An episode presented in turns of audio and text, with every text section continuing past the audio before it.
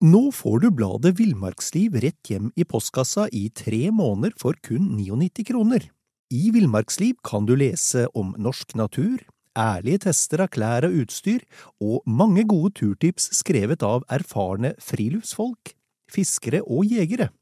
Send SMS VILL36 til 2205 og motta bladet allerede neste uke. Lev livet villere med bladet Villmarksliv. Many of us have those stubborn pounds that seem impossible to lose, no matter how good we eat or how hard we work out. My solution is PlushCare. PlushCare is a leading telehealth provider with doctors who are there for you day and night to partner with you in your weight loss journey. They can prescribe FDA-approved weight loss medications like Wagovi and Zepbound for those who qualify. Plus, they accept most insurance plans. To get started, visit plushcare.com slash weight loss. That's plushcare.com slash weight loss.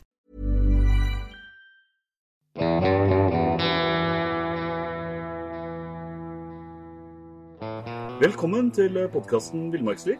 Mitt navn er Alexander Bergan, og i dag skal vi snakke om sjøørretfiske. Med meg har jeg en kar som har gjort seg bemerket både for sine ferdigheter som fisker og gjennom sin egen fiskeblogg, hvor han deler tips og triks til sine følgere. Han fisker ved hver ledige anledning og har fått intet mindre enn 149 arter på stang i Norge. Og har nå lansert eh, fiskeappen Fisk her, sammen med Tommy Egra og flere, antar jeg, burde vi snakke om. Eh, Asgeir Alvestad, var det en eh, grei introduksjon? Ja, jeg tror det var eh, ganske dekkende, det. Ja. Kan du fortelle litt om hvordan du ble sportsfisker, og hva fiskinga betyr for deg? Det begynte jo egentlig helt siden jeg var liten. Eh, Begge mine foreldre er fra en eh, øy på Vestlandet som heter Bukken, da, som eh, ferierte hele sommeren fra jeg var ja, født omtrent. altså Da var det liksom første dagen etter ferien, så reiste jeg til Vestlandet og var på en øy der. Og, og dagen før ferien var slutt, så var det tilbake igjen. Så det var liksom ute ved sjøen da. Min mormor og morfar hadde sjø, eller plass helt nede ved sjøen, så da var det like naturlig å være i robåten som, eh, som på land. og da ble det jo fiske hele sommeren, og det var da jeg fikk min første fisk, sånn fire-fem år gammel. Og etter det så har det gått slag i slag. Nettopp. Er det sånn at dette er en heltidsgeskjeft for deg? Det er det. Jeg jobber jo, altså Jobben min er egentlig i Pure Fishing, som er verdens største fiskeutstyrsprodusent. Så jeg har jo liksom eh, satsa alt siden jeg var liten på å få det her som en, en jobb. Så jeg har jobba i sportsfiskebutikk eh, etter militæret, kan du si. Og, og etter hvert gått på leverandørleddet, da, som, som har veldig Ja, Pure Fishing har Abu og Berkeley og Fenvik og har de og sånne sterke merkevarer, så det er jo en del av, av jobben min, da. Så har, eh, det er min fotballproffkarriere, kan du si, da. Det å, å, å bli eh, Å jobbe med hobbyen. Nettopp. Er det Stemmer det at det er 149 arter? Det stemmer. Eh, Det med artsfiske det er jo litt sånn, blitt sånn en veldig populær sak, En sånn hobby i hobbyen. Og, og jeg har alltid vært allsidig fisker. Det er vel egentlig den største forsten min, det at jeg fisker alt mulig. Eh, For jeg kan fort bli litt sånn lei av bare å fiske samme ting hele tiden, og jeg syns alle fiskeformer har eh, noe fantastisk ved seg. da. Og det å fiske arter, det er, det er veldig spennende, og det er kanskje der du faktisk må ha mest kunnskap, eh, egentlig da, for da må du lese opp på hver eneste fisk.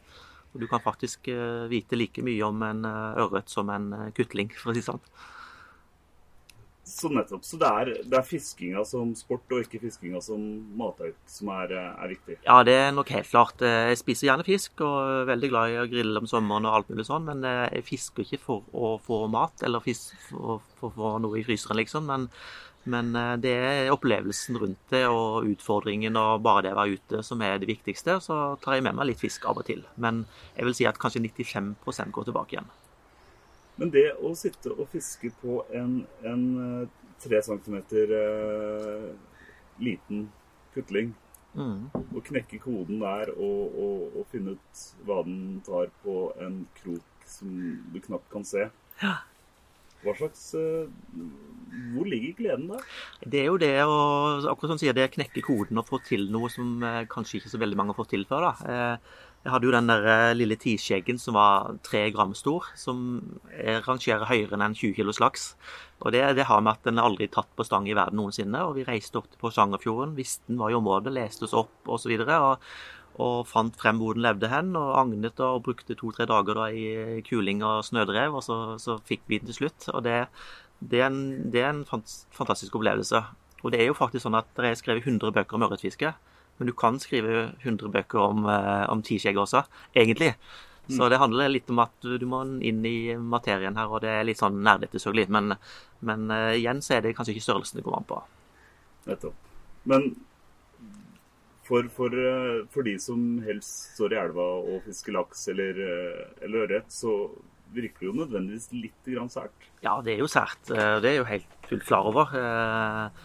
Og jeg skjønner jo at folk ikke kan ha mer enn én en eller to eller tre fisketyper i hodet på en gang, for det er veldig mye informasjon. Og det å bli god på en ting, det krever utrolig mye tid.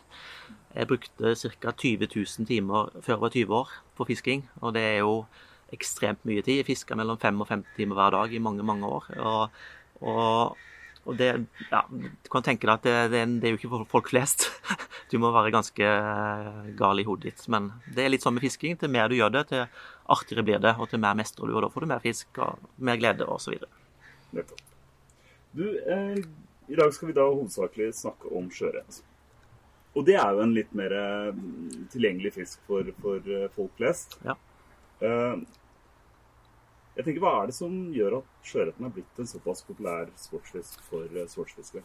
Sjøørret altså, Det er ingen tvil om at ørret og selvfølgelig laks også, men ørret er en spesiell fisk som er hjertet nærme for nesten alle nordmenn. Om du fisker den i ferskvann, altså en vanlig brunørret, eller om det er en sjøgående sjøørret, så, så, er det noe spesielt med ørreten. Den er fantastisk vakker, og det er jo en eh, sprek fisk som er veldig ja, jeg vil si den er litt utfordrende å fange til tider. Eh, og Noen ganger kan du få mye. Eh, men det som er aller best med sjøørreten, syns jeg, det er at du kan fiske det hele året. Og kanskje den beste tiden er vinterstid, tidlig vår. Altså på tider hvor det ikke er så mye annet å fiske, egentlig, da, så er sjøørreten aktiv. Den tåler kaldt vann godt, og det er jo veldig fint for oss. Så for deg så er da sjøørretfiske hovedsakelig en fisk du fisker i sjøen eller eh, elva? Ja, 95% sjøfiske for meg på sjøørreten, men jeg har også fiska litt sjøørret i elv. Så, men eh, snakker vi om sjøørretfiske i elv, så er det ofte eller august, eh, juli-august og sånne ting, og da er det veldig mye annet å fiske på. Mm. Eh, men når du kommer ut i februar-mars, så er jo sjøørret kan fiske for noe av det beste. og da da er det jo veldig interessant å, å drive mye med sjøørretfiske, da. Hva har du en rekord? Jeg har, fått, jeg har fått en syv-åtte fisker over tre kilo. Mm. Eh, om den største Jeg er ikke så veldig flink til å måle og veie fisken, det høres kanskje rart ut, men la oss si at den er 3,7-3,8, da, sånn sirkus. Men eh, en god del fisker mellom 3 og 4 kilo. Og det er ansett som bra størrelse? Ja, det er kjempefin størrelse. og Lillesand og Sørlandet, hvor jeg fisker mest, så er, så er sjøørretfiske veldig veldig bra. Vi har vært skåna for det oppdrettsoppbyggingen her nede, så vi har beholdt sjøørretstammen veldig godt. Det er ikke så veldig mye stor ørret her, men det er noen store, fine eksemplarer innimellom som vi selvfølgelig jakter på. For sjøørreten er trua av lakselus og altså, Folk snakker om at laks, villaksene har et problem, men uh, sjøørreten har jo ti ganger større problem. For den lever jo i de områdene hele året, mens laksen farer jo ut til havs. ikke vel? Så, så, det er jo den fisken det er gått aller mest utover. Det er jo sjøørreten. Og det syns jeg er rart at det ikke er satt mer på agendaen. Um, hva slags fisk Hvordan vil du karakterisere sjøørreten? Er, er, den sky eller nysgjerrig? Er den vanskelig sånn sett. Jeg rangerer fisker i forhold til hvor eh, sterke svømmere de er. da, for Det har litt med hvordan de eh, er å fiske på i forhold til tidevann og sånne ting. Men sjøørreten er en sterk svømmer. Den liker når det er fart i vannet. Og er jo en ganske bra kjempende fisk. Han begynner ofte å rulle sånn, men han, han er en, en, aktiv fisk. Eh, han er til tider veldig kresen, det vi kaller selektiv. altså Det kan være sånn at den er veldig opptatt av byttedyr. Vi vet jo at eh, brunørten er sånn at får den sett et insekt for hvert sjette sekund eller raskere, så, så, begynner den bare å spise på det. Og det er jo sånn naturen har, har stilt seg, at når det er overflod av noe, så spiser fisken det. Men sjøørreten kan også være helt motsatt. Eh, spesielt eh, på våren når den kommer ut fra elven og skal feites opp fort, så har han ikke råd til å være selektiv. Da må han spise alt mulig kan han ta hva som helst, egentlig. Og da bruker han ofte store og fargerike ting. Men sommertid så er det ofte litt overflod av mat i sjøen, og da, da er den mer selektiv og veldig forsiktig da. Så eh, ørreten har egentlig litt alt ved seg da, på et vis, og det er jo litt artig, da. Er det derfor du også da syns det er morsomst å fiske den på, på, vinteren og tidlig vår? Jeg tror det er mest For meg så er det mest fordi at da er det ikke så veldig mye annet, da.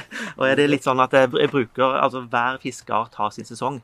Og da prøver jeg å fiske mest mulig, som vi har snakket om i sted, jeg prøver å fiske mest mulig allsidig. Og da, da fisker jeg ikke like mye kjørt hele året, men eh, også har litt med årstid, litt med tid på døgnet osv.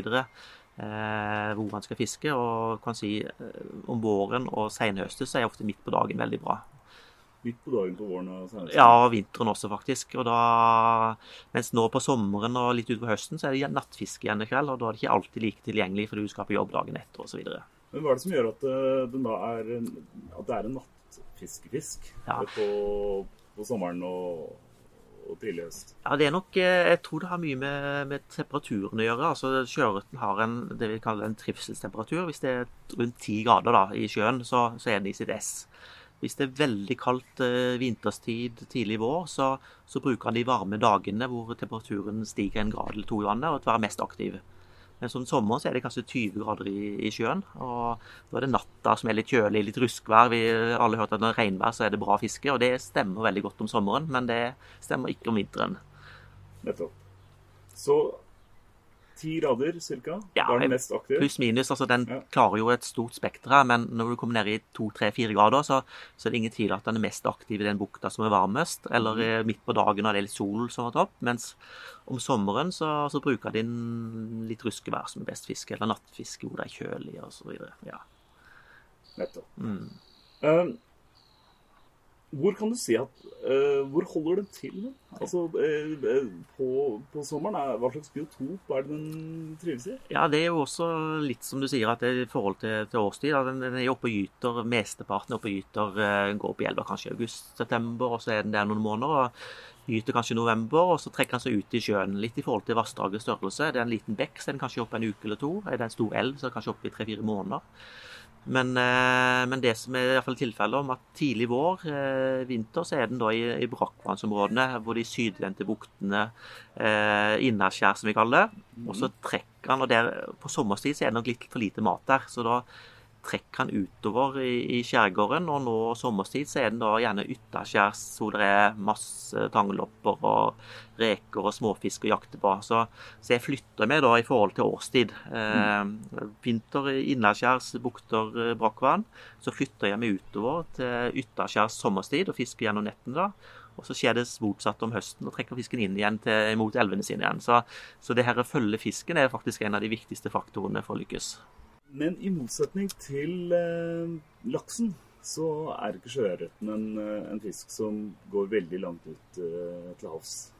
Nei, den eh, holder seg gjerne da, i nærområdet noen kilometer. så si Det kan variere litt. Eh, noen stammer er litt mer vandrer litt mer, men den holder seg da i de nære fjordsystemene, noen kilometer fra fødebekken, kan du si. Og, og derfor er den også litt mer sårbar. Så, så, det er jo litt viktig da å ta ut fisk i forhold til mengden, hvis du skjønner. At vi, at vi må være litt forsiktige med å ta ut for mye sjøørret. Det litt ris til egen bak, kan du si. Så jeg er litt opptatt av at vi har eh, et minstemål som må følges. Og jeg skulle gjerne sett at det også var et maksmål, så at de største fiskene kom tilbake til elven. Og Minstemålet er på hvor mye? Det er 35 cm eh, her syd, og så er det oppi 30 cm lenger nord, da. Helt i Nord-Norge. Nettopp. Ja. Men det er vel også en slags, eh, vil jeg tro, på, på våren en uskreven regel at man tar ikke fisk som er, er eh, nettopp har gytt og kommet ut igjen. Og... Det er riktig. Selv om fisken er blank, eh, så kan den også være tynn. Eh, og det er ingen matfisk i en sånn en mager fisk som har gytt og sånn. Da er det ingenting fett i, i kjøttet igjen, og da smaker det ikke godt. da. Jeg hadde kanskje sett at minstemålet var satt opp fem centimeter til, sånn at fisken fikk lov til å gyte en gang før den ble mat. da. Og det, det er en sånn diskusjon som, som egentlig vi mangler litt i Norge. Litt sånn dårlig forvaltning, rett og slett. Nettopp. Um, hvis ja, hvis vi tar utgangspunkt i, i det at uh, det er uh, litt seint på sommeren, mm. og uh, man har lyst på å fiske sjøørret, hvordan går man frem? Det, sommerstid så, så, er de beste fiskeplassene det vi kaller ytterskjærs. Det er gjerne strømsatte sund mellom små holmer og skjær. Det er gjerne grunne områder helt ytterst. så jeg vil anbefale ta, folk tok en natt ute. da, med, Ta med teltet, f.eks. Mm. Ta en tur ut på ytterste plassene, og så legge seg i telt og så fiske gjennom natten. da. Utaskjærs. Ja, utaskjærs, ja. Og da er det jo eh, veldig grunt. Eh, jeg er ute mye og lyser om nettene for å fange piggvarer og slettvarer og sånne ting, og jeg ser sjøørret i hver eneste bukt. Men om natta så går de utrolig grunt. altså. Det er nesten med ryggen over vann, og det er gjerne på, bare på 15-20 cm vann. Og Det betyr at du må fiske veldig veldig grunt. Og Da er jo f.eks. fluestang en, en, kjempefin sak, for da kan du bruke flytesnøre og, og, mødler eller et eller annet som går høyt i vannet. Eller du mhm. kan bruke kystvoblere. Altså, du må ha noe som går høyt i vannet. Men hva, hva leter sjøørreten etter, altså sånn på, på grunna? Ja, da er det jo om sommeren så, så, så, er, det, så er den altså, De kan finne opptil 10-15 forskjellige byttedyr i magen på den. Og da kan det være alltid fra insekter som, eh, som, er, som er, klekker rundt i her øyene og sånne ting. Og det kan være mye reker, mye tanglopper, eh, mye småfisk, kutlinger og sånne ting. Altså Han er ganske variert i seddelen, men eh, gjengst for det at de, de jakter veldig grunt og helt inn i tarebladene, kan du si. Nettopp. Um, men det er på natta? Det er på natta, ja. ja. Stemmer. Uh, og du bruker da flue, som du sa? Ja, mye flue om natta. Du kan også bruke bombarda dupp med flue på og så gjøre andre ting. Men mm. Poenget er at du må fiske høyt i vannet, og da, da nytter det ikke med en sånn kompakt sluk som synker fort, da, for å si det sånn. Nettopp. Det funker ikke så godt om sommeren, da. Det funker bedre kanskje vår og tidlig vår og sånne ting, da. Er det noen farger som skiller seg ut, som man bør satse på? Ja, det er jo litt sånn i forhold til årstid, da. Men om sommeren, når vi snakker om sånn nattfiske og sånn, så er det ofte mørke ting. Det er jo sånn at eh, Veldig ofte så ser sjøørten ting underfra eller fra skrå fra, fra siden. da, og Da er ofte en, en mørk ting gir en god silhuett mot en lys himmel. Mm. Hvis du er nede i vannet så ser oppover, så er det alltid lyst oppover. Da vil en mørk ting gi god silhuett. Mens eh, hvis du ser nedover i vannet, så er det alltid mørkt. og Da vil en lys ting synes lett. da. Ofte så er det så enkelt at uh, fisken lett skal se de tingene du presenterer. da. Jeg bruker mye mer sterkere farger om våren. da. Eh, når fisken ikke er selektiv i hele tatt, eh, så er det ofte den ser lettest, det vi kaller reklameplakatfargen, mm. som man hugger mest på da. Men sommeren så er det overflod av mat, og da gjelder det å ofte imitere fargene. Og det er ofte mørke farger eh, eh, som ligner på, på, på, dyr i vannet, men som gir en god silhuett underfra. Og så er det ofte mindre ting også. altså Ørreten har en tendens til å spise småting om sommeren, men om våren så kan det godt ha store ting. da, sånn 12-15 cm ingen problem selv fra liten ørret eh, om, om, våren. Er det fordi den er latere om sommeren? Jeg tror ikke nødvendigvis latere, men litt sånn overflod av mat. da. Så den trenger liksom ikke Det er alltid mat noe sted, og da gjelder det å imitere mer enn du gjør om våren. da. Mm. Og Det er jo ikke bare å imitere farge og størrelse, men også imitere uh, hvordan de byttdyrene går. da. Så Fisker du med en reke, så skal den se ut som en reke, og da må du gi den sånn små hoppete nøkk. liksom. Uh, er det en fisk, så prøver du å få litt fiskebevegelse. Uh, altså Du må prøve å imitere det også. da. Ja, for den spiser jo også sil, eller tobis. Tobis, ja. ja.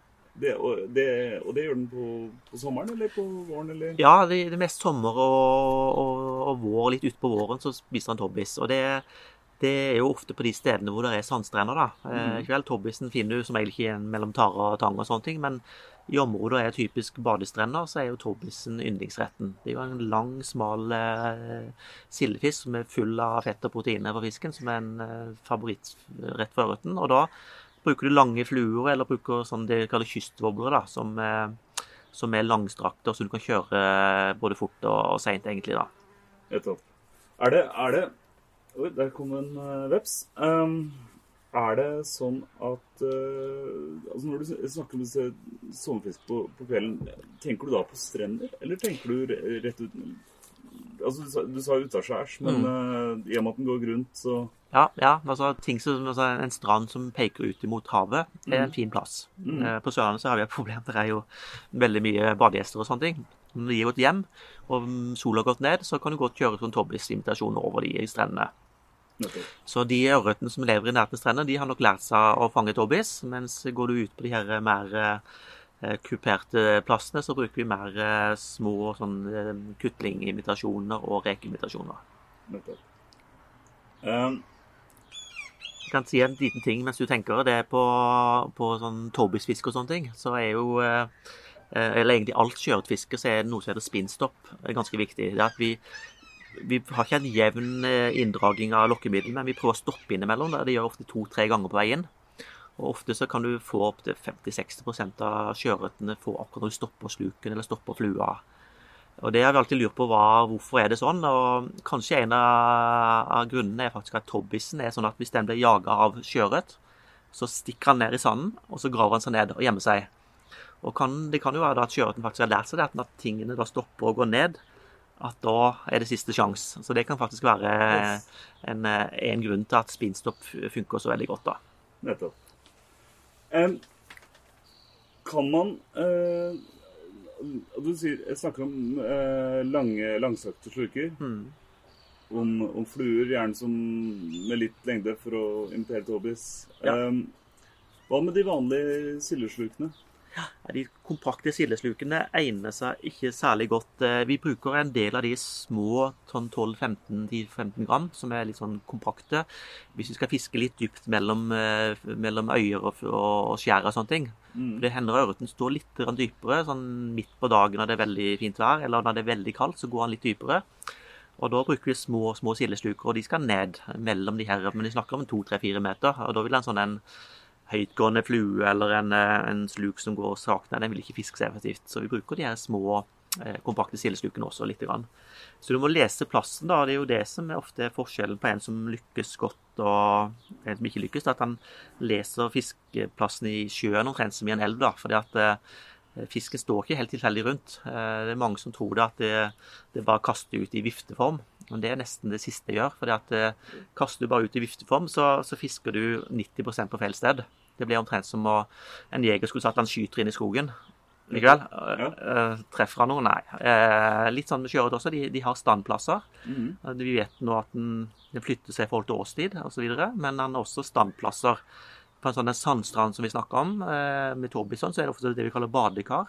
Det er plasser hvor det er fordypning. Mm. Og det ser du ofte med polaridbriller, at det er litt sånn mørkere grønn farge. Nedi der er det tanglopper og, og torbis som går rundt. Der kan sjøørreten stå litt trygt, for å si det sånn, fra, fra rovdyr osv. Eh, og da fisker jeg over den plassen der. og Da kaster jeg litt forbi, og så tar jeg et spinnstopp rett over badekaret. Eller hvis det er en stein der, en odde, eh, Mollbakken som vi kaller altså den der eh, marbakken hvor det går fra grunn til dypt. Der patruljerer ørreten hele tiden. Mm. Eh, Strømsatte sund har vi snakket om. Odder. altså Det er mange sånn standplasser. og Hvis det er store, lyse partier, så er det ofte de mørke flekkene hvor ørreten står. Der er det også maten er, da. Man, man, snakker veldig, eller man snakker gjerne om, eh, om det som, eh, som, kalles tigerbunn. Ja, leopardbunn. Eh, ja. ja. Og det er jo som vi sier, at det er jo gjerne hvit sand, hvor det er mye børstemakk og alt mulig rart i. Og tobis, selvfølgelig. Og de mørke flekkene, det er jo det tangloppene, det er rekene, det er børstemakkene. Så de mørke flekkene er nok der maten er. Men i tillegg så er det også så er det også en litt hjemmeplass for ørreten. Han kan stå der i skjul eh, fra, fra la oss si en skarv eller en måke eller et eller annet sånt de kan komme ovenifra. Da. Um, jeg har hørt et uttrykk, og det er at uh, en sjøørretfiskers beste venn er bilen. Hmm. Ligger det noe hold i det uttrykket? Ja, det gjør for så vidt det. Eh, eller båten, vil jeg si. da, Litt avhengig av hvilket transportmiddel du har. Men, men det å flytte seg litt, det er ganske viktig. og spesielt er det vanskelige forhold, så jeg bruker jo tidlig på året så bruker jeg termometeret veldig aktivt. Det er rett og slett det dypper termometeret i flest mulig bukter og finner den varmeste, og så konsentrerer meg om den. Mm. Om sommeren kan det være litt det motsatte, at faktisk eh, at temperaturen er litt kjøligere, at det kan være en, en fordel. da. Eh, så det å flytte seg, det å vente på at en fisk skal komme, er ofte eh, litt sånn eh, dårlig effektivitet. Det er ofte lettere å finne fisken enn at den skal finne deg for å si sånn da, det blir at uh, Fisker du et stort område, mange bukter sånn i løpet av en dag, så er det større sjanse for fisk. Hvordan spiller eh, tidevann, eh, tidevann inn? Som jeg sa fra starten her, så er sjøørreten en sånn, det vi kaller en sterk svømmer. da, og Det betyr at den trives godt når tidevannet er sterkt. Og tidevannet er sterkt da midt mellom tidevannsskiftene, som er flo og fjære. Så ideelt sett så er det kanskje en par timer etter flo et par timer etter fjære. Da er det litt ekstra fart i vannet, og det utnytter ørreten seg av, akkurat som en elv. Da vil maten komme litt mer på servert. Hvis ørreten står bak en stein, så vil maten komme med tidevannet. For det er en lavfisk, sånn sett? Ja, han bruker ikke unødig energi. Det er vel egentlig liksom kjennskap til alle fiskene som ikke er sånn type vannfastfisker, at de, de, sløser ikke med energien. At, eh, og det, det, er litt av hemmeligheten også med fiske, at du sveiver ganske rolig om vinteren. Og så mm. kan du ha stor fart om sommeren, for da er det ikke så nøye. Men ørreten går ikke løs på alt mulig eh, for moro skyld. Han, han, han, sparer energien hvis han kan det. Eh, så tidevannet. Men det er også noe med at der, eh, hvis en står i en, eh, et strømsatt så er det jo på topp flo og på bunn fjære. Så tar det en eh, kvarter, halvtimes tid hvor tidevannet snur litt frem og tilbake for å stabilisere seg. Ikke veldig tidevannet kommer inn. Og Så går det noen minutter, og så går vi tidevannet ut igjen. Og Imellom det så må ørreten flytte seg litt i forhold til tidevannet. Så topp flo og bunn fjære kan også være bra fiske. Så vi fisker når vi har tid. Men, eh, men, ideelt sett så vil jeg si at, eh, at uh, sterkt tidevann, altså midt mellom tidevannsskiftene, er veldig bra. Og så er det da midt på dagen om vinteren, og så er det gjerne morgen og kveld høst og vår, og så er det midt på natta da om sommeren. Så det, det er masse faktorer, da. Nettopp. Ja. Um, vær og vind. Ja. Hvordan spiller det inn? Ja, eh, jeg velger meg gjerne stille, sol, fantastisk vær om vinteren. Og litt som vi sa i sted, at da får du opp temperaturen litt. Veldig bra for ørretfiske. Sommeren gjerne litt ruskvær, regnvær, som vi alle vet eh, er bra fiske når det er. Da kjøles vannet ned, det blir litt grumsete, litt mer jaktforhold for ørreten. Eh, vår og høst så er det litt hipp som happ, egentlig. Ikke så veldig nøye med det været. Og så er det jo en ting til med vind, da, som veldig mange spør meg om, som veldig få kan mye av. Det er at eh, vinden påvirker jo ganske mye temperaturen også. Mm. Eh, som regel så vil jeg si hvis det er god temperatur i sjøen, rundt 10 grader, altså la oss si fra 7 til 15, som er ideelt for ørreten, så vil jeg si pålandsvind er ganske bra. For da, ja, for da grumses det opp litt i nærheten, og ørreten griner og jager og sånne ting. Mm. Men hvis det er veldig kaldt i vannet, eller veldig varmt i vannet, så er farlandsvind veldig bra. Grunnen er at da flyttes vannmassene fra der du står, altså fra land utover. Og da kommer det om vinteren det litt varme vannet fra bunnen eh, dypere i sjøen kommer opp. For da er ofte sjøen iskald på toppen, nesten isvål likevel. Da, med fralandsvind så kommer det varmere vannet fra bunnen opp. Men så sommeren så vil fralandsvinden gi det litt kaldere vannet neden dyp, i dypet, mens det varme vannet skyves ut. Så får du litt kaldere eller varmere vann inne ved der du står, da. Så det er litt sånn eh, triks der, da. Litt samme som i ferskvann. Men er det ideelt eh, dersom vannflata er helt speilblank? Nei, egentlig ikke. Eh, ørreten er jo litt varsom. Han jakter med øynene. sånn at han, eh, han, kan nok fort finne ut at det er noe feil her. da. Og, og jeg sier ikke at ørreten er superklok, men han er, har et veldig godt øye. Og Det vil si at han lettere blir oppdaga og litt, litt, mer varsom når det er blank overflate. Men midt på vinteren så, så, er den opptatt av å spise, og da er det ganske mye han tillater, da, for å si det sånn. Nettopp. Du nevnte i stad at eh, det ikke var noe poeng å fiske i luftformasjon, men heller satse på standplassene. Mm. Eh, sånn rent praksis, eh, praktisk, hvis du da fisker på et sted hvor du vet at det er en standplass, og ingenting skjer, går man da bare videre til neste, neste standplass, eller? Ja, jeg gjør for så vidt det. En kan godt la plassen hvile og så komme tilbake igjen. Jeg bruker veldig mye mm, flyfoto da, i min jakt på, på å planlegge en fisketur. da. Eh, også på denne Fisk her-appen så, har du, eh, så har du flyfoto som er ekstremt gode. da, og Da kan du faktisk da se det over et område hvor du kan se konturene på bunnen. Du ser faktisk steiner, du ser sandbunn, du ser hvor det er tang osv. Og Da kan du legge det opp en rute i løpet av dagen, og du kan også, også gå tilbake litt seinere. Men når jeg fisker over et, eh, en bukt eller et område hvor jeg fisker vet at burde være fisk, så, så, så, tar jeg heller en tur til neste bukt og så kommer tilbake litt senere. Det er nok et godt tips i alle fall, å flytte seg og fiske over et stort område og så prøve å finne ut hvor fisken står den dagen der. Men er det sånn at, at sjøørreten blir skremt hvis det er for mye plasking av, av, sluker og sånne ting?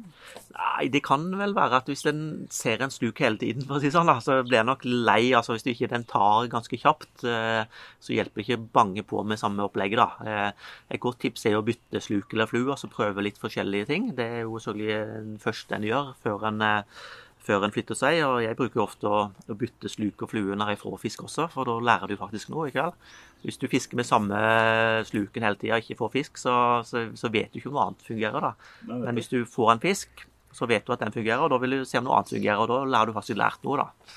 Nettopp. Og da vi, kan vi vel egentlig snakke litt om, om utstyret. Um, du fisker jo både med, med flue og haspel, og du, du håndterer vel uh, en hvilken som helst uh, hvilket som helst utstyr. Men hvis vi snakker om haspelutstyr mm.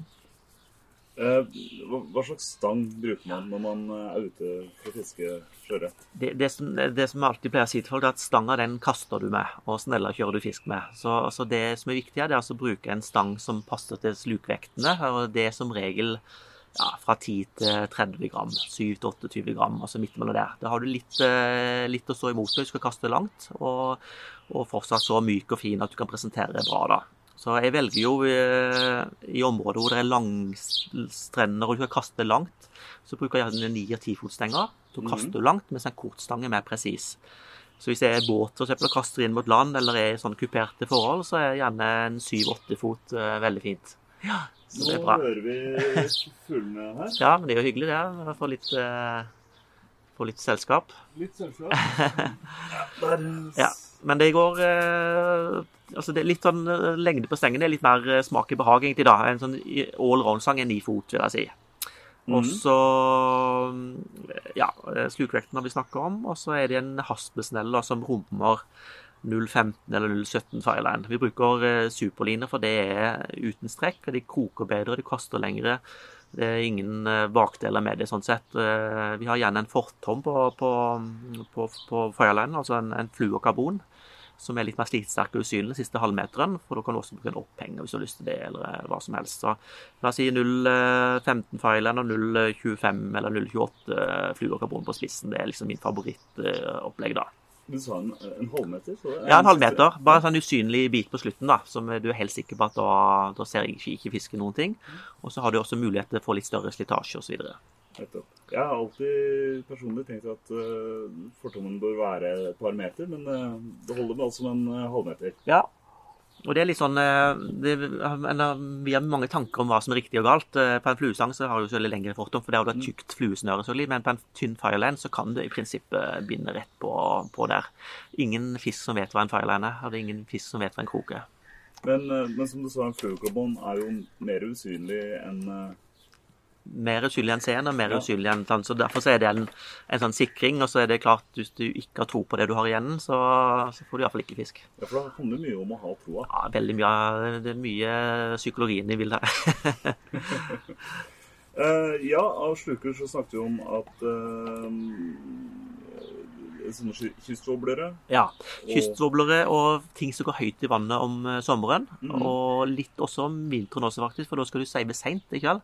Så da må du ha noe som har litt eh, oppdrift i seg, eller som ikke synker fort. Mm. Eh, en toby eksempel, som er en sånn skeisluk, kan du godt fiske om tidlig på våren om sommeren også. Mens eh, når det er full fart i vannet og sånn 10 grader, så kan du godt bruke noe som er kompakt, som du kan sette litt større fart på. da. Hva med øh, flue og dupp? Altså en, det som kalles en bombarda Ja, det er jo eh, slukfiskerens eh, fluefiske, for å si det sånn. Altså, det, det er en måte å fiske med noe som ikke veier noe. Eh, ofte så er jo sånn at eh, hvis jeg vet hvor fisken står hen, så ville jeg valgt en fluestang. For å si det sånn. For det, du kan presentere en eh, superlett flue og sånn mye finere i vannet enn en metallsluk. Det er jo ingen fisk som spiser metall. Eh, og da må du jo være litt mer heldig for å fange fisk, vil jeg si. Men eh, med bombadadupp, som er rett og slett en kastevekt, er en, en sånn langsmal dupp som går som en dartpil i lufta, den hiver du lett eh, 70 meter. Og der kan du ha fluer enten på enden, altså etter eh, bombadaen. Altså bombada så har du en eller to fluer etter den. Eh, mens om sommeren så bruker jeg faktisk bombadaen i enden, og så har jeg opphengsfluer. For da får du fluene over fisken først, da, på veldig grunt vann. Ja. Ja, så det blir litt motsatt, da. Eh, eh, men da kan du fiske med sånn gulpmark, og du kan fiske med flue, små sånne der, eh, nymfer og sånn, som, som, eh, som ikke veier noe, fordi at bombadaduppen er kastevekten, da. Men når du snakker om gulp, det er jo eh, mark med tilsatt Eller kunstig mark tilsatt luktstoffer. Ja, du har børstemark og sandorm og meitemark, som er Mm. Det er stivelsesproteiner, egentlig, da, som er da støpt i en form av en makk eller en børstemakk eller hva som helst. Eh, Og det er jo veldig effektivt når børstemakken eh, går på så fullt. Og er jo, det er jo litt sånn som jeg sa i sted, at ørreten kan bli selektiv, og da er det nok lurt å ha en sånn børstemakkeimitasjon igjen eh, når den børstemakken er mest aktiv, da. Men hjelper luktdelen av disse, disse kunstige markene Har det mye å si? Ja, jeg, har jo konkurrert hele livet mitt, da, og noe har lært meg som er egentlig en hemmelighet Nei, det er ikke det. Men det er at eh, alle fiskens sanser eh, bør en stimulere. Altså Fisken har jo et øye som den jakter og ser med. Den har faktisk et øre også, selv om vi ikke ser. Den hører ting i vannet. Og har luktesans, lukt- og smakssans. Og den har også en sidelinje som, som oppfatter impulser i vannet. Til mer du stimulerer de på forskjellig vis, til større sjanse er det for fisk da. Og det med lukt og smak er sånn at eh, når du har mye lukt i vannet, og den gullpokken sprer ut masse lukt, altså det er vann i vann liksom istedenfor oljevann, så den sprer mye lukt, da er det litt sånn som når vi kjører forbi en, eh, en pizzabu eller en pølsekiosk og lukter noe godt, så har vi litt, blir vi litt mer sultne enn vi var før. Og, og derfor så vil også det her kunne skape at ørreten begynner å spise. da. Og når først ørreten tar eh, flua eller sluken som er innsatt med sånn lukt, eh, så holder den mye lengre. De har jo forska på det at hvis en fisk tar en flue, så tar det i løpet av ett til to sekunder, spytter han ut igjen. Han skjønner at det ikke her er mat.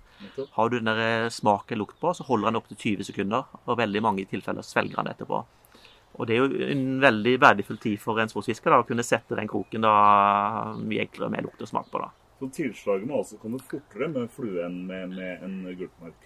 Ja, absolutt. Så, men du kan også ha sånn gulplukt eller noe smøre inn eh, noe reke eller hva som helst på en flue også, da. Så du, du kan jukse litt eh, hele veien her.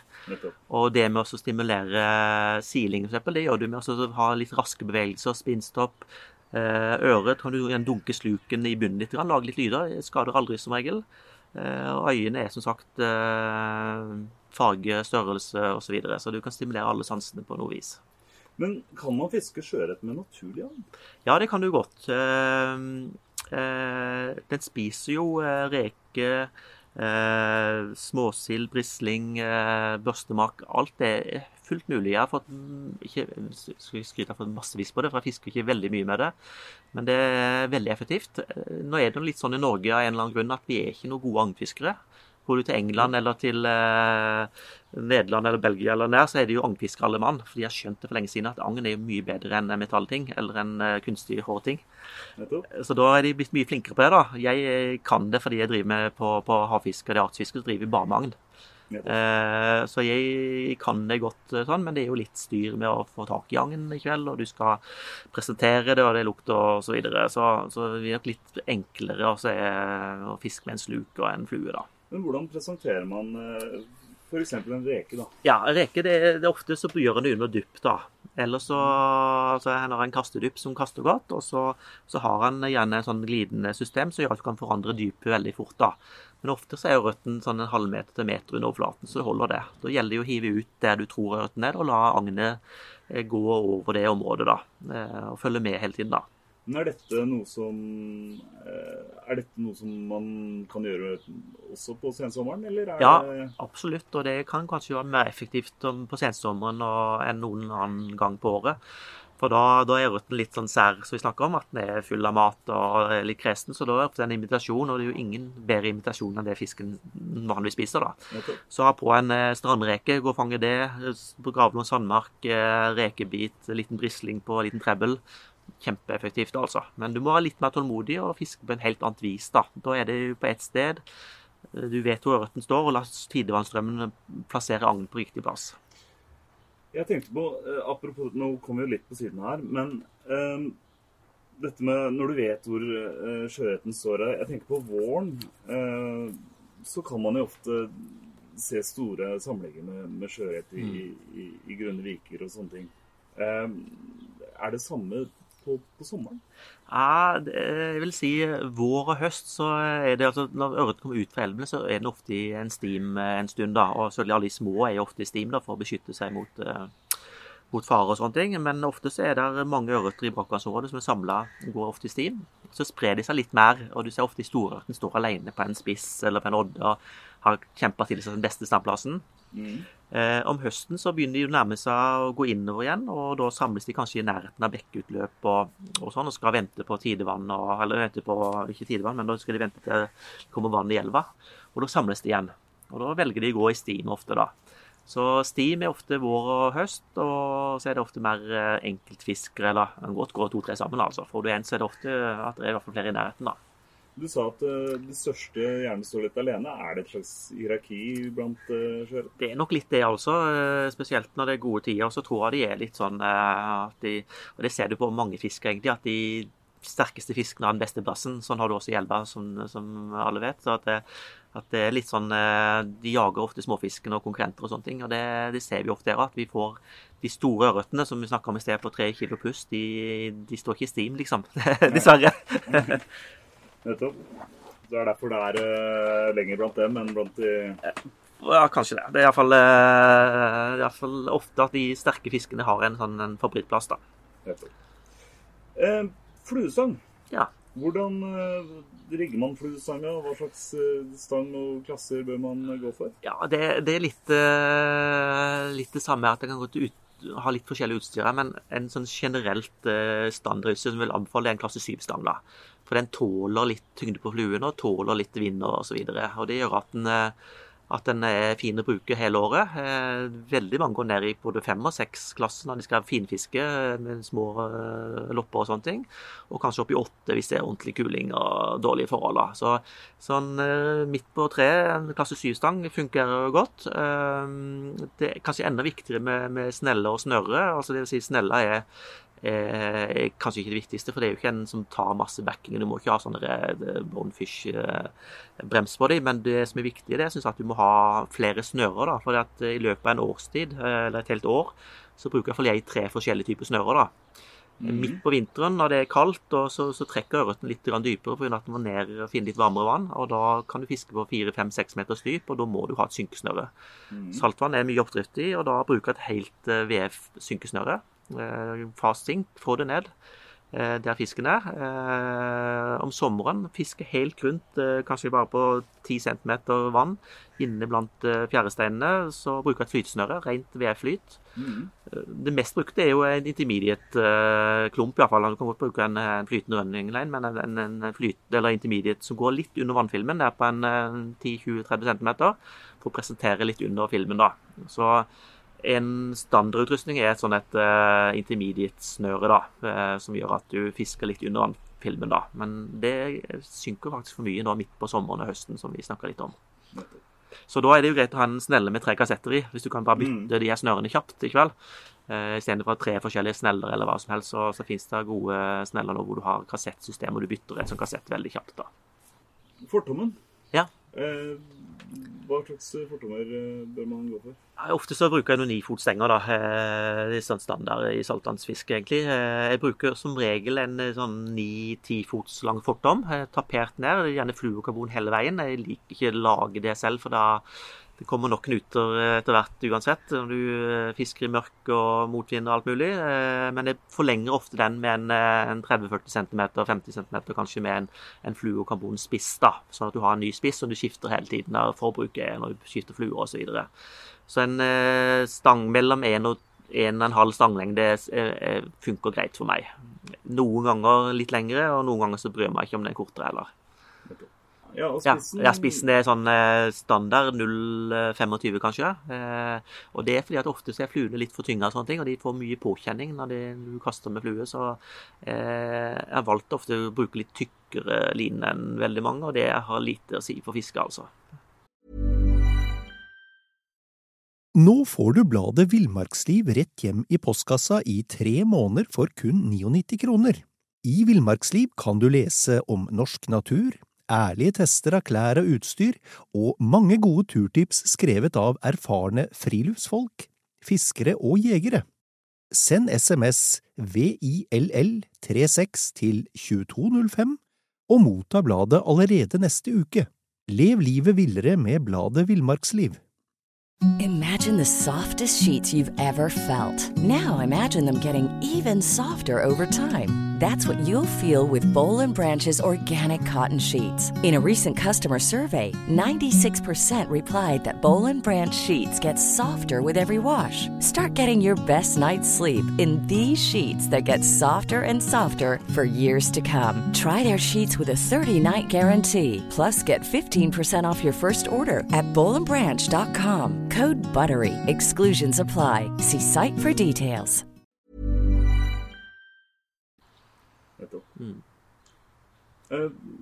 Fisker du med opphengere, eller er det ja, feigt? Nei, absolutt ikke. Men eh, ikke sånn kjempemye, da. Jeg driver jo også og, og, og dorger litt og sånne ting, da. Og da kan det faktisk være ganske smart å ha en, en wobbler som går, og så kan du ha en opphengsflue.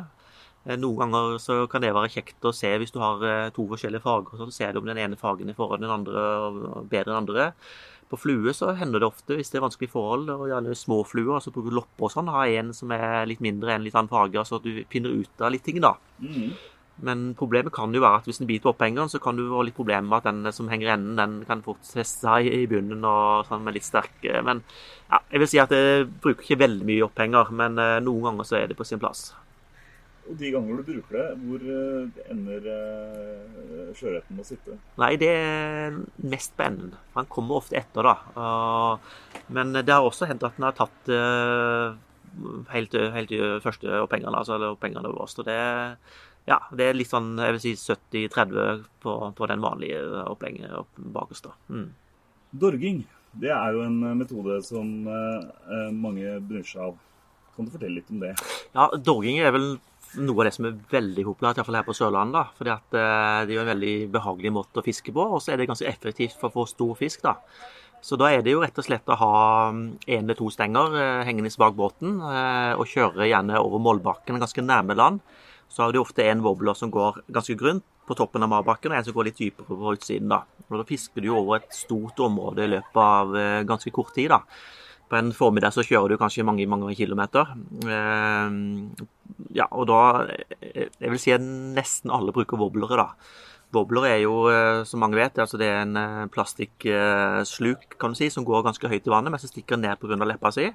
Men når du stopper båten og har kanskje fisk på enestanga, så flyter den opp, da. Sånn at du slipper at det skal synke til bunnen og sette seg fast. da.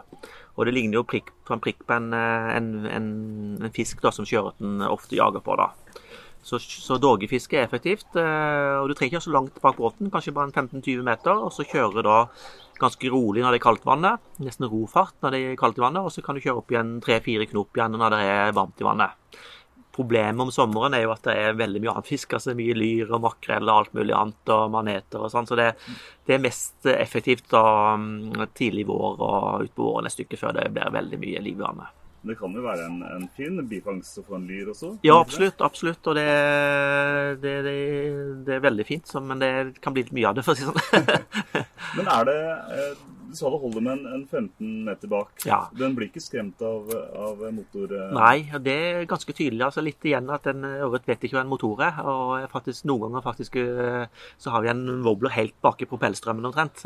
Og det i hvert fall der det er mye båter som kjører gjennom eh, trange synder og sånne ting, så vet du at når det kommer en båt gjennom her, så virvles det opp, og da er det mat å få. Så det kan faktisk være litt sånn eh, effektivt, det, det. altså. Ja, faktisk. Jeg tror nok det. I hvert fall det der er mye trafikk, da. Men eh, jeg vil si at hvis, du skal, hvis det er mye svingete, du skal gjennom passasjer mellom øyer og sånn, så har du kort på bakbåten, mens du har litt sånn langstrakt områder, kan du ha 20-30-40 meter bak båten. Så det varierer litt. Ja, jeg husker jo folk har snakket om det å ha, ha noe hengende i, i motorstrømmen, rett og slett. Det Ja. er noen som sverger til at det er den eh, riktige måten å Ja, det samme på laksefisket, faktisk. da. De bruker en litt sånn en luring bak der. Så, men eh, ja, du sa det var populært på Sørlandet. Det er Ja. ikke den bedagelige sørlandsattituden som eh, gjør at dorging er så populært? Godt var det, altså. Og så er det jo sånn at det er jo ikke lov å dorge med, med 10-15 stenger og sånne ting. Ikke vel sånn som de trollingmaskinene har vi ikke langs kysten her. Så, så sånn sett så er det jo de her sjekta seg og putter i samme farten, og så får de litt fisk, og, og det, det er effektivt, altså. Så det, men jeg vet jo at de gjør det mange andre steder også. Men Kan man dorge med bare stanga hengende ute, eller, eller bør man ha den eh, festa som står i en due og Nei, han, eh, han kan bare ha det i overflatedogging. og så ha en, helst en, en stangholder, da, så at du- får stanga eh, satt ut på hver side av båten, eller en stang bak, sånn at du har kontroll på den. Og så må du stille bremsen sånn at når fisken tar, så, så ryker ikke snøret. Så, så må du følge med, da, fordi at det som skjer ofte utover nå, det er at det kommer mye tang og mye flytende ting som setter seg fast. da. Så boblen den lager sånn dirrebevegelse i toppen, og når den stopper å gå, så, så er det ofte noe dritt på. Da må du inn og så må du ta av det dritten. da. Hva er det med disse eh, dirrebevegelsene som eh, lager, som gjør at sjøørreten blir tyrra nok til å Ja, det, hogge? det er nok litt det vi snakka om i stad, at den har en, en sidelinje som gjør at den, hører og kjenner bevegelser, både fra båten og fra den her lokkende lille fisken som kommer svømmende, som er en wobbler. Eh, samt at den ser øynene. Så, og det er faktisk eh, eh, egentlig veldig rart, fordi at eh, jeg fisker veldig mye med dogging og wobbler og sånn, og da om vinteren så er det faktisk sånn at eh, wobblere som har små utslag, som går, har rolig gange, de fisker mye bedre enn en som har hissig gange. Om sommeren er motsatt. Og den bobler med hissigganger som går fisker mye bedre enn den som har rolig utslag. Og det er faktisk selv om du har båten som går i samme tempo, så har du en hissig og en rolig bobler, så, så er det forskjell på bittet, da. Og også farge og så videre, og størrelse og alt det spiller inn, da. Så det er en veldig fin måte å teste ting på, for når du dogger med to ting, så kan du fort lese Og det er jo også det eh, bakgrunnen for en av de her eh, fargeguidene mine da, som jeg har på bloggen, hvor, eh, hvor du kan sjekke hvilken farge som er best i forhold til årstid, og der er det rundt 5000 ørreter bak. Og det er fordi jeg jobba i butikk og noterte meg ned. Og så er det selvfølgelig lokale tilpasninger osv., men det er faktisk farge er en av mange faktorer, da. Men, men disse lokale tilpasningene, altså er det veldig stor forskjell på en, en eh, sjøørret her i, i Lillesand enn kontra det, det du finner i Oslofjorden? Nei, Nei, eller, eller Trondheimsfjorden, for den saks skyld? Nei, ikke så veldig. Jeg tror nok det er nok eh, litt i forhold til hva, hva en beiter på. da. For det er klart, her er det eh, veldig mye arter i sjøen. Varmt vann det tilsier ofte at det er mye, mye dyr, næringsdyr osv. Mens eh, lenger nord så er det kanskje litt færre, men kanskje eh, mer fisk den spiser. da. Og Du ser jo ofte oppe i Bodø og nordover, så, så er det mm, ofte stor ørret. da. Litt færre kanskje, men stor ørret. Og det tyder jo på at den spiser annen fisk, da. Som går i sildestimer og brisling og sånne ting. Eh, en ting vi ikke har snakket om, som jeg kom på nå, det er jo disse inline-slukene. Ja, Eh, det er vel noe som er relativt nytt, tror jeg, i norsk markedet. Ja, det er jo danskene som begynte egentlig med det her eh, for en god del år siden. Hvor de har sluker som går eh, med snøret direkte gjennom, og du binder en trebbelkrok, en perle, bak da. Eh, fordelen med det er jo når fisken tar, så sitter jo den trebbelkroken helt løst på snøret ditt, og det, da brekker den seg ikke løst, så, så da sitter han alltid når han har bitt første gangen. I tillegg så har de, de kaster langt, og så har de et veldig spesielt spinnstopp. Når du stopper den sluken, så, så detter den ikke ned som en, en pil, han, han ruller ut til sidene. Sånn frem og tilbake, og det er jo sånn spinstopp som vi snakker om, som er veldig viktig. da, At den, at den holder seg vannrett, og at den, eh, at den eh, lokker mens den faller. da. Nettopp. Mm.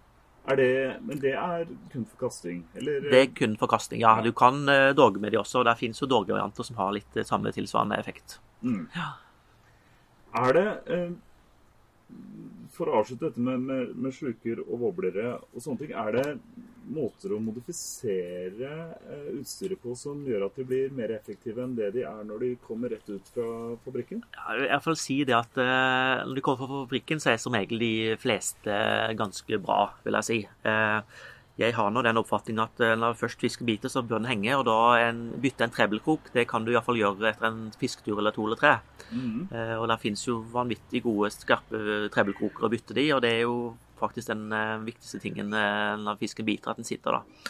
Så det å ha på en, eh, en helt ny og skarp krok, som kanskje koster litt mer enn den aller billigste, Eh, og så vet jo mange bruker eh, enkelkrok. Eh, Den er jo sånn at den lettere setter seg fast, for du trenger mindre kraft for å dreie ned en krok enn tre. Eh, samtidig så kan du ofte kanskje den kan slå, og du kan miste litt flere, så det er sånn pluss-minuser her. Eh, jeg har ikke brukt veldig mye tid på det. Eh, og så er det noen som bruker fluer på, på kroken. Der får du en litt sånn mer eh, svømmende bevegelse og litt mer liv i, i noen av de slukene som kanskje ikke har så veldig bevegelse. Så det du kan godt variere litt. Og jeg har faktisk gjort det en god del ganger. Tatt og så malt eh, wobbler og sånn mørke svarte under. Og hvite på toppen. Altså motsatt av det en byttefiske. For en, en liten, eh, en liten sild, en liten brisling, som er byttefisk den er jo hvit under for å gå i ett med overflaten. Så en mørk på toppen for å gå i ett med Altså alle byttedyr til ørreten er, er kamuflert. Hvis du gjør det motsatte, da, så har du en lett synlig ting. Og det er mange ganger det viktigste, at fisken ser ditt, eh, din sluk. da. Så den, så den vil ikke tenke at eh, jøss, her var det noe rart. eh, dette her har jeg ikke lyst på å prøve meg på. Nei, det er litt sånn som å si at noen ganger så er det faktisk det enkleste den tar. Eh, Noen ganger så er, det, så er ikke det godt nok. Da må den enda mer lik det fisken spiser til vanlig. Så det er vi selektive saken. Så, så det er litt sånn Igjen ingen regel her, og det er jo det som er kanskje noe av det gøyeste med fiske. Jeg som holder på så mye, det er lærer noe hver dag. Og viktigste tipset er kanskje å, å tenke som en fisk. Altså hvorfor, og hva skjedde nå? Og så prøve å lære av det, da. Og Det er jo grunnen til at jeg kanskje har vunnet så mange fiskekonkurranser på havet, og sånn, at jeg prøvde å skjønne hva som skjer der nede. Og prøvde å lære noe av det, som er ikke at det er helt tilfeldig. Så tenk som en fisk. Tenk som en fisk. Det er det beste du kan gjøre. Når eh, du har tenkt som en fisk, og du har eh, fått på fisken på Ja. kroken, Mm. Du snakket at det, i, i islam at det er forskjell på hvis den f.eks. da tar eh, luktstoffer, Mm. eh, så kan holde eh, agnet i munnen lenger enn en flue. Mm, mm. Um, men på et eller annet tidspunkt, så gjør man vel et tilslag, Ja. og fisken sitter. Ja, og det er jo Hva skjer da? Nei, det er jo det som er litt viktig, da, at uansett eh, nesten alt fiske i hvert fall, så, så gir en et tilslag. Og det er for å sette kroken. Eh, og spesielt eh, før når han brukte monofilament, altså sene hele tiden, så er jo det et gummistrikk. Og du må ha mye kraft. Og, og selv med fireline hiver du 50 meter ut og drar til det du kan, så drar du på en kilo. Altså det er veldig lite kraft i enda ute. Og du må faktisk, eh, spesielt hvis du ikke har superskarp krok, da, så må du gi et tilslag. Løfte stanga litt, sånn, litt kjapt. Kjappest mulig, egentlig. Mm. Og før du har vært ute og fiska, så må du stille inn bremsen på snella di. Og det ofte gjør da at jeg setter kroken i en stubbe eller et eller annet, så bøyer jeg stanga ganske kraftig. Og når jeg kjenner at nå knaker det godt, så skal snøret begynne å gi ut da i kveld. For da, hvis det er en større fisk enn det snøret tåler, så skal bremsen da trøtte ut fisken og ikke ry- snøret ryke da. Men det tilslaget da skal kunne settes da uten at eh, bremsen går, for å si det sånn da. Når du har fått uh, satt tilslag, så er det egentlig viktigste for deg da å holde et jevnt press. Eh, Jeg ser jo veldig mange som er litt sånn uvane her. Også det er hardt press, og så er det pumping, og så er det litt sånn altså, Og det er en dårlig løsning, for da får du hardt press, løst press, hardt press, og så utvider du det lille hullet som fisken har fått, kanskje, og mister litt mer fisk. Ja. Jevnt press det betyr at du har stanga bøyd hele tiden, også med vinkel mot uh, fisken. Ikke direkte peke mot deg, men har en vinkel, og får stanga også være en liten sånn en, eh, en liten fjær der. da, Og med fireline og de her eh, multifilamentene, så, så har du god kontakt. da. Holde presset, la fisken gå når den går, og så komme helt inn til land. Og så har du en håv, så må du ta den. Hvis ikke så må du prøve å lande den på en, et fornuftig vis da, som ikke innebærer harde stein og fjellvegger og sånne ting. At du kan dra den opp forsiktig på en strand eller et eller annet sånt. ting. Ja, for dette handler jo litt om, om Hvis du skal slippe den ut igjen, Ja. eh, så er det viktig med skånsom behandling. Ja, det er jo det. Hvordan, hvordan behandler man fisken best? Stort sett så er det jo det også at du har eh, fuktige fingre. At du tar på en fisk med fuktig med hånd, og det er sånn at du ikke ødelegger slimlaget. Og så gjelder det jo egentlig å ta ut kroken så fort som mulig. Og så skal du ha et bilde, så kan du godt bruke tre sekunder på det, eller fem eller ti sekunder på det, og opp ned, og så ned i vannet igjen, da.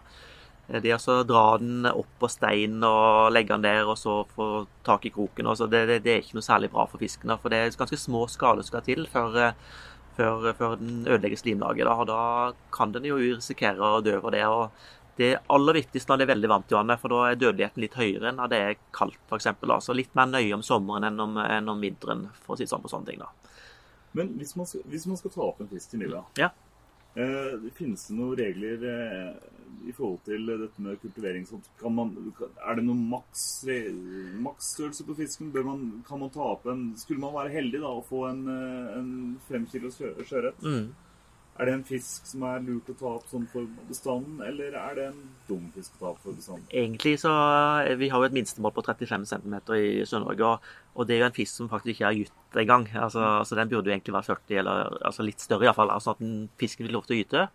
Men det er jo ingen tvil om at eh, en stor ørret det er jo mye viktigere for elven enn en liten ørret. Altså, det er mange, mange ganger så mange millioner rogn enn en liten ørret. Og, og derfor så burde det kanskje også vært et maksmål. Sier at en fisk som er så og så mange centimeter eller så og så stor, helst centimeter, da, for en skal helst ikke drive veiefisk hvis det ikke er nødvendig. Og da, og da burde de få lov til å leve videre. Og det vet jeg de har eh, i Danmark og, og på flere lakseelver også nå, altså en maksmål.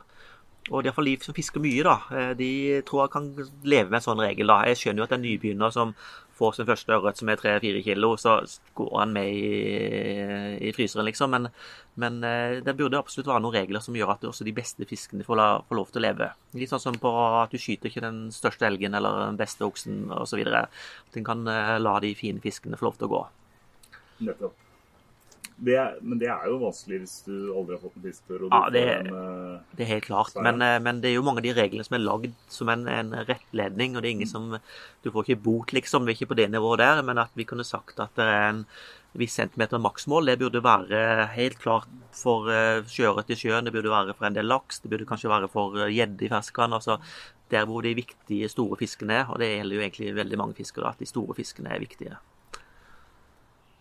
Dette her dreier seg jo, jo om en god kultivering. Mm. Og Lillesand, Sørlandet.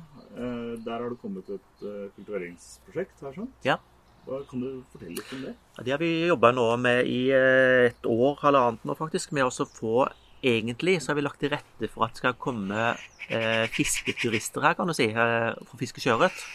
Og det høres jo eh, skremmende ut, men det er faktisk eh, det er faktisk litt sånn vi ser på Fyn, da. Og i Bornholm og, og borte der, så er det eh, en enorm eh, verdi i sportsfiske. Bare på Fyn alene så snakker vi om verdier på, som tilføres der per år på 3,5 milliard i reisende fiskere som fisker sjøørret. Mhm. Men det som er viktig å få frem hos oss, det er at vi før vi skal begynne å høste mer, da, og si at alle skal komme til Sørlandet og fiske sjøørret, som er en fantastisk plass, eh, så, så må vi også bedre vilkårene for sjøørreten. Så det vi starter med, det er også å kultivere flere bekker. Eh, Vi har fått nå 700 000 fra lokale kommuner her. De fire-fem nærmeste kystnære i Arendal, eh, Tvedestrand, eh, Grimstad, Lillesand og Froland. Og da er de villige til å stille med både utstyr og gravemaskiner og sånne ting, pluss penger for at vi skal da ruste opp skjøretbekkene. Bare i Lillesand så er det 70 skjøretbekker. Det er gjort noe med én eller to av de, ikke vel? Så tenk potensialet er enormt, da. Og de, alle bekkene her er ødelagt av jordbruk som har tatt igjen gytegrusen. Det er ja, overgrodd, det er rør Altså det er enormt eh, mange gytebekker som er, produserer 10% av det de kan, da. Og hvis vi skal få mer ut av en sånn en, eh, sak som kanskje er veldig bra for reiselivet og fra politikere og for alt for en ny næring, en grønn næring som kaller det, som utvikler kysten vår enda bedre, så, så må vi begynne med at sjøørreten skal få bedre vilkår. og Da begynner vi med bekkene. I Danmark så har de noe som heter grusbanden. Som kommer da, Det er nesten motorsykkelgjenger som kommer og så legger grus og sånne ting. Mm. her nede på Sørlandet så har vi tatt kontakt med skolene.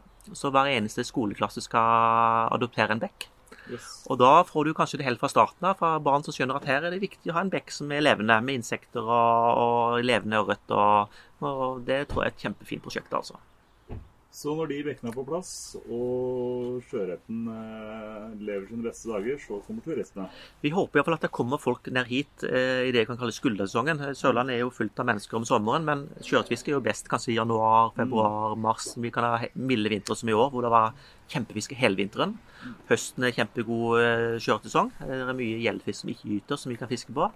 Og da trenger jo eh, campingplasser, eh, små overnattingssteder, hoteller, fiskehusbutikker Alt eh, vil være tjent med at det er litt folk her, da. Og hvis de kan fiske sjøørret på en skånsom måte, hvor vi har berglimit, kanskje har har en, en sunn forvaltning, så er det en veldig fin sak. Det er en kjempefin sak for kysten, for næringslivet her, men det er også en, kanskje en sånn fremtidig måte om å stoppe eh, innførsel av fiskeoppdrett, som ødelegger kysten vår. i kveld. Nå har vi eneste plassen i Norge hvor det er ikke oppdrett eh, sånn tett i tett, som har ødelagt sjøørretbestanden på Vestlandet. Der kan vi kanskje beholde den med å vise til at her er det faktisk økonomi i det også. Det er arbeidsplasser, det er økonomi. og når vi har fått det på plass først da, i dette prosjektet, her, så viser det også at politikerne er villige til å være med.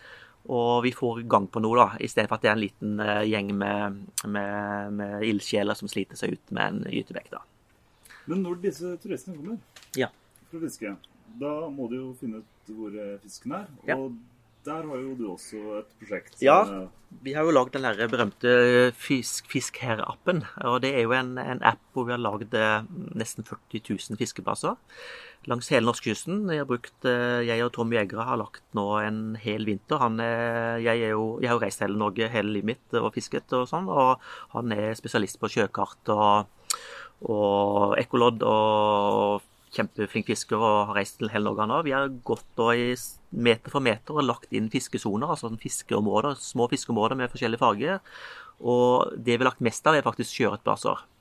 Og i Lillesand her så har vi kanskje 20-30 gode kjøretplasser, og det har vi nesten i alle kommunene, i hvert fall en 10-20 gode kjøretplasser. Og da ser vi allerede nå at eh, bare en uke etter appen er gått ut, så ser vi at folk kommer Oi, folk som aldri har fått kjørt før, de fikk det fordi de var på rett plass. Ikke kveld. Og det er faktisk første bud, da. Hvis du ikke er på rett plass, så er det heller ikke lett å få fisk da. Men det er ikke bare sjøørret dere har eh, eh, inn der? Nei, der er det 16 arter. Eh, og det er, det er fiskearter du kan fiske fra land eller fra båt. Det er makrell, sei, torsk, lyr, hyse. Altså alle de vanligste fiskeartene du kan tenke deg i sjøen. Så det skal være noe for enhverssmak. Om det er en familie eh, som vil ut og fiske litt berggylt eller makrell, så, så finner du plasser i nærheten der du bor. Du kan kjøre og følge GPS-en der du er, fra land, eh, gå stier ned, eller du kan gå, gå rett ut i båt og så finne den beste plassen i området. Og det er jo ganske unikt. Og det er vel det vi skal gjøre nå? Ja, nå er vi ute og fiske. Det høres veldig bra ut. Da tror jeg vi skal være godt rusta for å ta sjøørreten. Ja. Og ja. Ja, ja. Kort og godt, slik pakker vi sekken. Ja, Dag? Ja, vi pakker sekken, og det kan gjøres på mange måter. Ja. Den verste måten å pakke en sekk på, det er når du føler at du har noe løst, ukontrollerbart på ryggen som du får vondt av. Ja. Og det beste er en sekk som sitter, som nesten er en del av kroppen din, som sitter inntil, som er god å bære over skuldrene, som du kanskje kan avlaste med et hoftebelte hvis du bærer tungt, Mm. og hvor du føler at tyngden er sånn fordelt at du har kontroll når du beveger deg. ja. Minst mulig avstand mellom ryggen og, og sekken. eh, Og så tett inntil kroppen som mulig. Men også med mulighet for at det kan være litt lufting, så du ikke blir helt gjennombløt på, på ryggen. Men det er ofte innebygd i konstruksjonen av bæresystemet. Ja. Og hva med det vi har nedi sekken? Ja, det du bruker, skal ha minst bruk for, kan ligge på bånn. Eh, Det som er tyngst, må gjerne ligge inn mot korsryggen eller inn mot ryggen. Ja. Alt etter om du går på ski eller om du går på beina. fordi når du går på ski, så må du ha tyngden litt lavt, men eh, i alle fall få tyngden innover mot ryggen. Mm, mm. Og som sagt, det du, det du klær eller det du skal skifte underveis og sånn, lett tilgjengelig. Ja. Og også fint å ha en sekk med sidelommer eller lommer hvor du kan nå enkelt det du trenger mens du er på farten. Mm, mm. Det er jo hovedprinsippene. Ja, og så kan vi jo tenke litt på at vi bruker en sekk som passer i størrelse til det vi skal drive med. Mm, mm. Vi drar ikke på lang telttur med en for liten sekk. Det er, det er bedre at sekken er litt for stor enn litt for liten, tenker jeg, for det er bare å snurpe igjen. Ja. Og de har jo stramme muligheter. Og ta med noen ekstra reimer. Ja. Hvis du finner et kjempefint reinsdyrgevir i fjellet, Ja. og ikke har noe festemuligheter, så er det litt ergerlig å måtte gå med det i hånda hele tida. En god sekk, så kan du feste bakpå, og så er det mye bedre å bære. Og siden de holdt jeg på å si, færreste sekker er helt vanntette, så vil jeg anbefale å ha med et uh, vanntett eh, dekke nå. Som du kan eh, Du, du får kjøpt de separate hvis de ikke følger med sekken. Ja. Men ja, jeg pakker i tillegg ting vanntett inni der i pakkposer, eh, i hvert fall på lengre turer hvor jeg er avhengig av at jeg holder meg tørr. lurt. Nå får du bladet Villmarksliv rett hjem i postkassa i tre måneder for kun 99 kroner. I Villmarksliv kan du lese om norsk natur, ærlige tester av klær og utstyr, og mange gode turtips skrevet av erfarne friluftsfolk, fiskere og jegere. Send SMS VILL36 til 2205 og motta bladet allerede neste uke. Lev livet villere med bladet Villmarksliv. Hi, I'm Daniel, founder of Pretty Litter. Cats and cat owners deserve better than any old fashioned litter. That's why I teamed up with scientists and veterinarians to create Pretty Litter. Its innovative crystal formula has superior odor control and weighs up to 80% less than clay litter. Pretty Litter even monitors health by changing colors to help detect early signs of potential illness. It's the world's smartest kitty litter. Go to prettylitter.com and use code ACAST for 20% off your first order and a free cat toy. Terms and conditions apply. See site for details. Planning for your next trip? Elevate your travel style with Quince. Quince has all the jet setting essentials you'll want for your next getaway, like European linen, premium luggage options, buttery soft Italian leather bags, and so much more. And is all priced at 50 to 80% less than similar brands.